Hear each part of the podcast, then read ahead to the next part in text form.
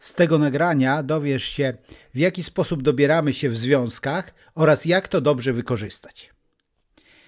Pamiętam, kiedy pracowałem jeszcze z ludźmi współuzależnionymi, to zastanawiała mnie pewna rzecz. Jest kobieta, przechodzi terapię, kończy ją i w trakcie terapii mówi coś takiego: Poznałam niesamowitego faceta.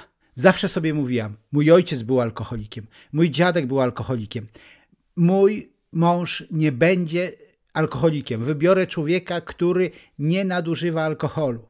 Ale zawsze się bałam, że wybiorę takiego, który jednak będzie go nadużywał. I spotkałam fantastycznego faceta, który jest abstynentem. Pochodzi też z alkoholowej rodziny i jest po prostu abstynentem. Niesamowita rzecz. Wspaniała. Po dwóch latach małżeństwa czuję się tak samo jak w moim rodzinnym domu.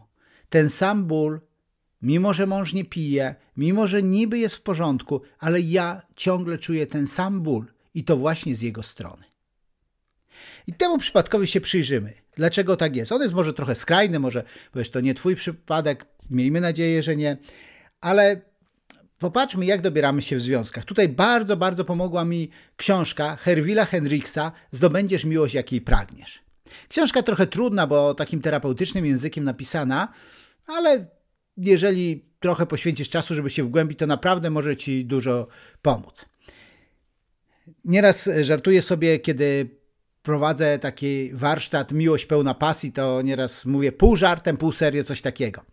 Że zwróć, yy, powiem ci dokładnie, za jaką osobę wyjdziesz za mąż, ożenisz się. Jeżeli się pomylę, zwracam ci koszty twojego wesela. Oczywiście to jest pół żartem, pół serio, chociaż większość ludzi myśli, że to jest bardziej taki żart albo taki przesadna pewność siebie. Natomiast ja bardziej to widzę w stronę, że naprawdę jestem tego pewien. Dlaczego? Herwig Hendricks mówi o czymś takim niesamowitym. W jaki sposób dobieramy się w związkach? Otóż, i prześledźmy teraz taką sytuację. Oczywiście to jest wymyślone przeze mnie, ale nie myślę o żadnej konkretnej osobie, ale dosyć częste, kiedy pracowałem z parami, a szczególnie chciałbym ten przykład z początku, kiedy mówiłem o tej kobiecie, która czuła się w związku z facetem, który był abstynentem, tak samo jak w relacji ze swoim ojcem, kiedy była dzieckiem, który był alkoholikiem. Dlaczego? Jak to się bierze? A więc Herwig Heinrich mówi tak.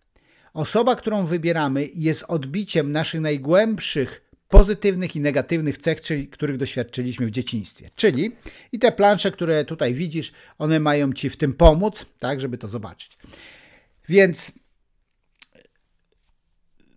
pomyśl sobie o osobach, które tak do 6-7 roku życia, czyli do momentu, kiedy yy, zaczęła się szkoła podstawowa, które były znaczące w Twoim życiu. I załóżmy, że taka ta kobieta fikcyjna, której się przyglądamy, była wychowywana przez mamę, tatę i babcię, która z nimi mieszkała.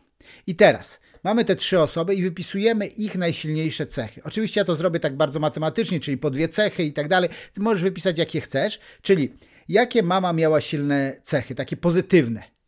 Była opiekuńcza i była cierpliwa. Jakie tata miał silne, ale pozytywne cechy. Był pracowity i był perfekcjonistą. Z detalami wykonywał to wszystko, co miał do wykonania. A jaka była babcia? Babcia była uczuciowa i wyrozumiała.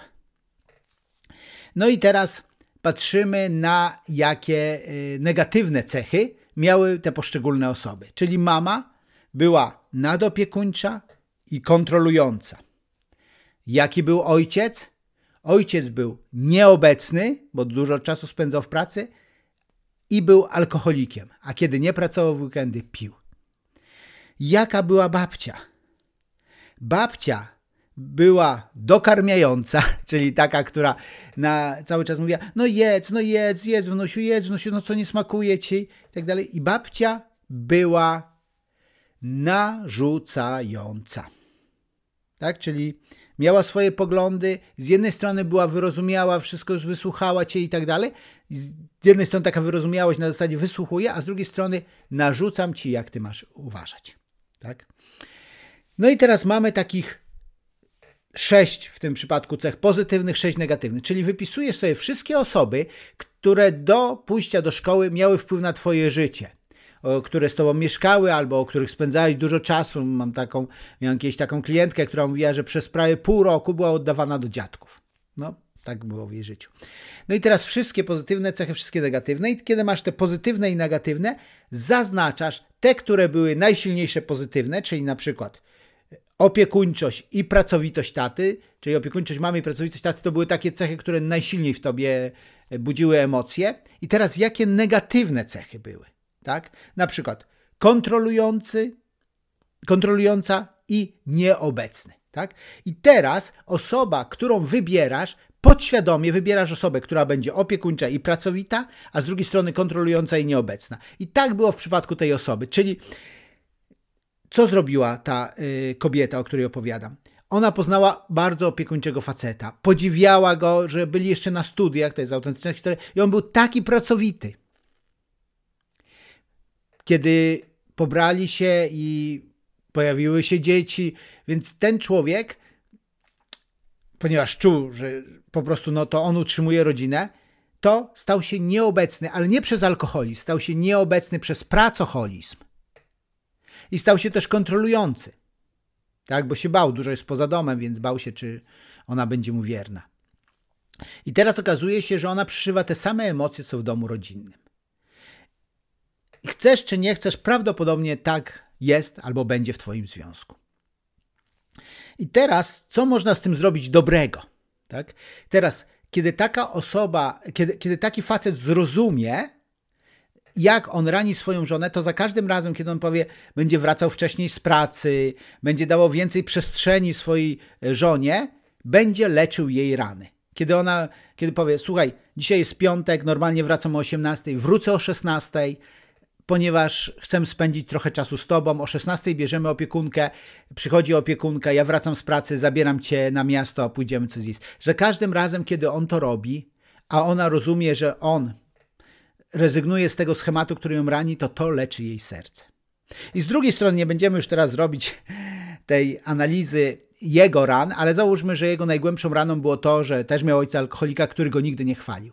I teraz za każdym razem, kiedy ona mówi, słuchaj, doceniam to, że tyle pracujesz, doceniam to, że mamy taki standard życia, doceniam to, że łamiesz swoje stare nawyki i poświęcasz czas dla mnie, że dajesz mi więcej przestrzeni, to za każdym razem, kiedy ona będzie jego doceniać, to w nim będą też leczone rany. Widzisz, w ten sposób miłość leczy.